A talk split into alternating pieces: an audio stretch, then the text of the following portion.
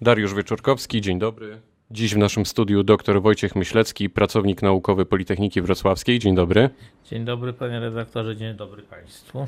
Udał nam się kolejny gorący weekend bez blackoutu, ale jednak jego widmo wraca stale od wielu lat. Czy powinniśmy się obawiać pana zdaniem i czy jest się czego obawiać? Może dla porządku e, spraw e, wyjaśnimy, być może, że niektórzy słuchacze nie do końca wiedzą, co to jest blackout. Możemy zdefiniować, tak jest. E, jest to obszarowe albo całościowe, samoczynne, awaryjne wyłączenie się systemu elektroenergetycznego. Także jest to bardzo poważna sprawa, ponieważ rola i znaczenie energii elektrycznej jest w tej chwili tak duże, że docenimy to dopiero wtedy, kiedy będzie rzeczywiście blackout i jakie będą e, komplikacje zarówno w gospodarce, jak i w życiu społecznym, a nawet tragedie osobiste typu wyłączanie się e, urządzeń medycznych podtrzymujących i tak dalej. Także to, to jest rzecz, która nigdy nie powinna mieć miejsca. Ale mimo pytanie... wszystko, właśnie mimo wszystko ten temat wraca stale, zazwyczaj zimą, kiedy mocniej grzejemy i latem, kiedy mocniej chłodzimy. Tak jest tegoroczne też lato. E, może dawniej problem był poważny zimą i to właściwie za czasów PRL-u, kiedy mieliśmy potężny przemysł energochłonny i wtedy po prostu brakowało mocy w momencie, kiedy jeszcze część mocy była spożytkowywana na grzanie, to, to wtedy były, w lecie nigdy problemów nie było i w lecie przeprowadzało się masowo remonty bloków, e, konserwację bloku, żeby przygotować się do pracy zimowej. Mniej więcej od, od, od czasu wejścia naszego do Unii, ale to akurat nie wejście tutaj zadecydowało, zaczynamy mieć poważne problemy również w lecie, ponieważ stopa życiowa ludzi i jakby europeizacja gospodarstw domowych i całej, całego funkcjonowania społeczeństwa e, bardzo szybko postępuje i w związku z tym szczególnie pojawienie się masowo klimatyzacji budynków e, dużych e, hal handlowych, ale też indywidualnych domów i w momencie, kiedy mamy skrajnie wysokie temperatury, to praktycznie wszystkie chłodnie pracują i wszystkie systemy Hmm, e, e, te air conditioner, czyli klimatyzacyjne, wszystkie systemy pracują na pełnej mocy.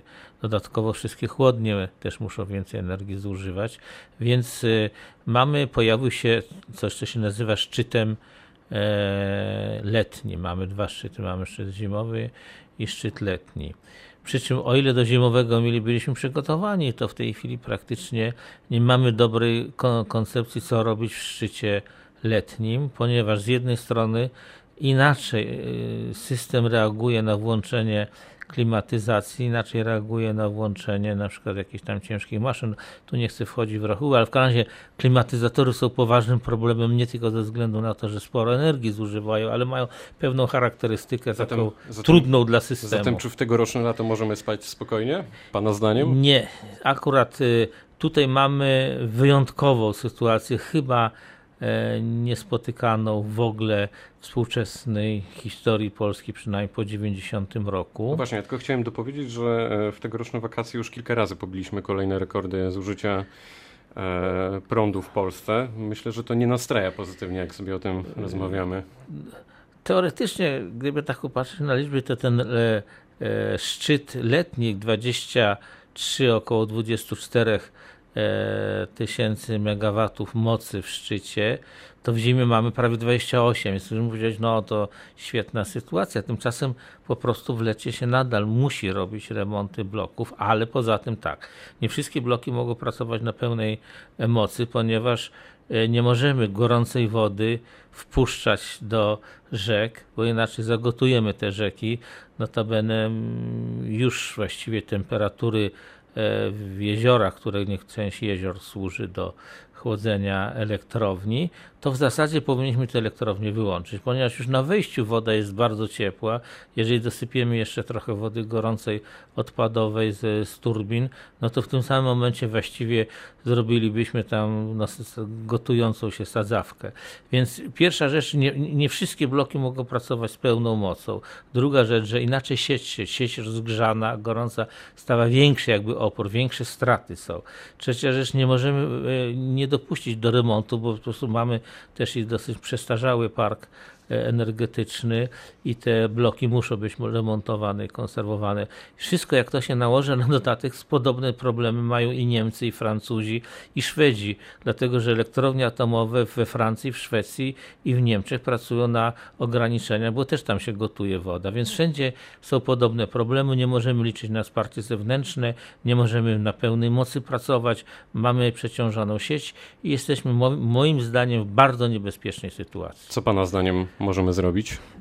Znaczy, e, Czy polski, tak doraźnie na przykład polski zaleczyć operator, a miałem zaszczyt e, i nawet być prezesem polskich sieci elektroenergetycznych, więc znam e, od podszewki problemy. Mam, mam bardzo, to jest dobra jednostka na tle innych, oby wszystkie takie jednostki państwowe tak pracowały jak polski operator systemu przesyłowego, ale tym niemniej on już moim zdaniem wykorzystał wszystkie możliwości, wszystkie rezerwy jakie były zostały wykorzystane i właściwie mm, przy informacji, że nie możemy ewentualnie dostać wsparcia ze Szwecji lub z Niemiec, trzeba się liczyć z ograniczeniami, to znaczy przy ponownie to, co młodzi ludzie w ogóle nie wiedzą, to są na przykład 16 czy 18 stopień zasilania. Musimy się przygotować do tego, że jeżeli upały potrwają, to coś takiego może być. No właśnie, czytam, że polskie sieci elektroenergetyczne informują o tym, że korzystają już teraz z tak zwanej rezerwy zimnej, czyli najstarszych i najdroższych bloków węglowych, które mogą działać jedynie też przez określoną liczbę godzin. Czy Pana zdaniem powinniśmy na przykład inwestować w fotowoltaikę? Teraz latem wydaje się, że to mogłoby być idealne rozwiązanie. Y jeżeli chodzi o szczyt letni, to jest jedyne rozsądne rozwiązanie, ponieważ e, w tej chwili panele fotowoltaiczne i w ogóle pozyskiwanie energii jest prawie że zbliżone do e, już cen rynkowych. Znaczy niedługo energia z paneli fotowoltaicznych będzie bez dotacji mogła być budowana. Problem jest co innego. Jakby nasz e, system i decyzje rozbudowy tego systemu nie są przygotowane do szybkich, masowych inwestycji prywatnych i innych i są problemy z podłączeniem tych źródeł. Nawet gdybyśmy we dwójkę zbudowali farmę taki, na przykład. Tak, to byśmy mieli wszystko, nawet można by było i kredyt dostać i tak dalej, ale byłyby problemy z przyłączeniem. E, na w to chwili, polega? Mm, no po prostu y, sieci, do których przyłącza się te źródła tak zwane rozproszone, bo te źródła nie są tak wielkie jak taki blok, który ma na przykład 1000 MW, czy 400, czy w najgorszym wypadku 200 ileś, no to mają powiedzmy 5 MW, niektóre mają 2 MW i one muszą być przy, do lokalnych sieci dystrybucyjnych, a te sieci jakby nie były nigdy przygotowane do odbioru energii elektrycznej, tylko wyłącznie, no sama nazwa mówi, do jakby dostarczania do domów, do fabryk energii elektrycznej produkowanej no w właśnie, blokach. No właśnie, ale tak sobie myślę o tym, że może takie panele fotowoltaiczne zainstalowane na dachach Kowalskiego może byłyby jakąś alternatywą, może by pomogły na potrzeby właśnie tego no, Na pewno by były i na pewno e, za 10 lat prawie większość budowanych budynków już będzie miała technologię, jakby będą wbudowane w budynek panele fotowoltaiczne i ten. Bo to Czyli będzie... to jest jeden z kierunków. Tak, ale pana powstanie zdaniem. cały czas problem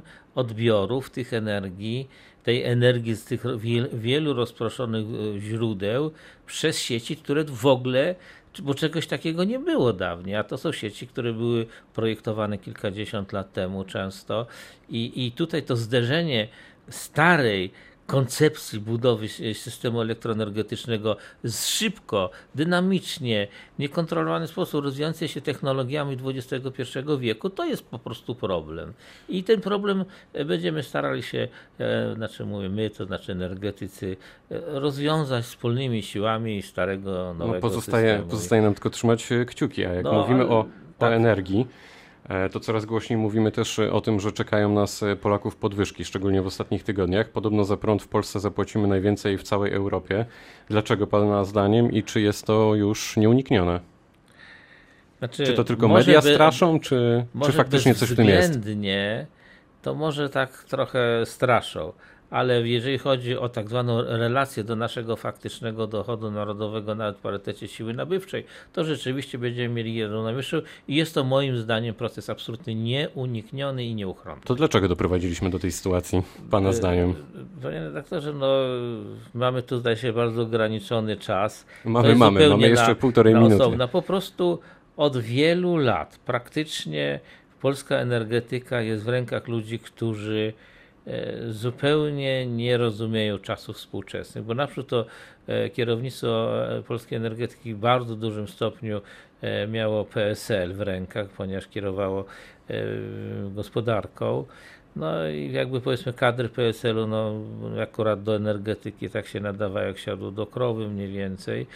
E, teraz też mógłbym szereg zarzutów postawić, ponieważ obecne kierownictwo raczej łagodzi konflikty społeczne i taką ma społeczną wizję. Po prostu nikt uczciwie nie powiedział obywatelom, że polski system musimy przebudować i to będzie kosztować. No właśnie, to ostatnie pytanie, bo wiele emocji budzi nowa inwestycja w Ostrołęce, czyli na wschodzie, na północnym wschodzie naszego kraju. Tamtejsza elektrownia będzie prawdopodobnie ostatnią nowo powstającą elektrownią węglową w Polsce. Czy Pana zdaniem to ma sens, inwestycja w węgiel i czy zapewni bezpieczeństwo? Znaczy, ja się wielokrotnie publicznie wy, wypowiadałem, że z punktu widzenia wiedzy, którą ja posiadam. Dlatego nie bez powodu pana pytam. ja posiadam, to jest zupełnie e, inwestycja e, no, bardzo kontrowersyjna. Zresztą weryfikacja, mm, czy rzeczywiście ta inwestycja ruszy, będzie nie wśród energetyków czy polityków, tylko w bankach. Banki po prostu ocenią, czy rzeczywiście, moim zdaniem, ta inwestycja się nigdy E, nie spłaci i musi, musiały być bardzo poważne czynniki polityczne. To być może ona nie musi się spłacić, ale może ma zapewnić bezpieczeństwo. Pana zdaniem, tak już stawiając kropkę, zapewni czy nie? Nie. E, w tej chwili bloki węglowe nie zapewni bezpieczeństwa, bo nam brakuje węgla i w tej chwili musi być zdecydowanie, a już na pewno nie blok na północy, gdzie przecież w ogóle węgla nie ma i nie blok pojedynczy, to już trzeba było po, dwa razy po 500 czy dwa razy po 300 zbudować. Proszę sobie wyobrazić, gdzieś na końcu Polski wypada nam 1000 megawatów i co, co pan z tym zrobi? No to trzeba jakoś tam reorganizować układ dostawy energii elektrycznej. Nie, nie, nie rozumiem, dlaczego obecny minister tak mocno się na, napiera na, na to, ale widocznie jakieś swoje racje ma. Spróbujemy dopytać. To był Wojciech Myślecki, doktor Wojciech Myślecki. Bardzo dziękuję. Dziękuję bardzo, do widzenia. Dariusz Wieczorkowski pytał. Dobrego dnia, dziękuję.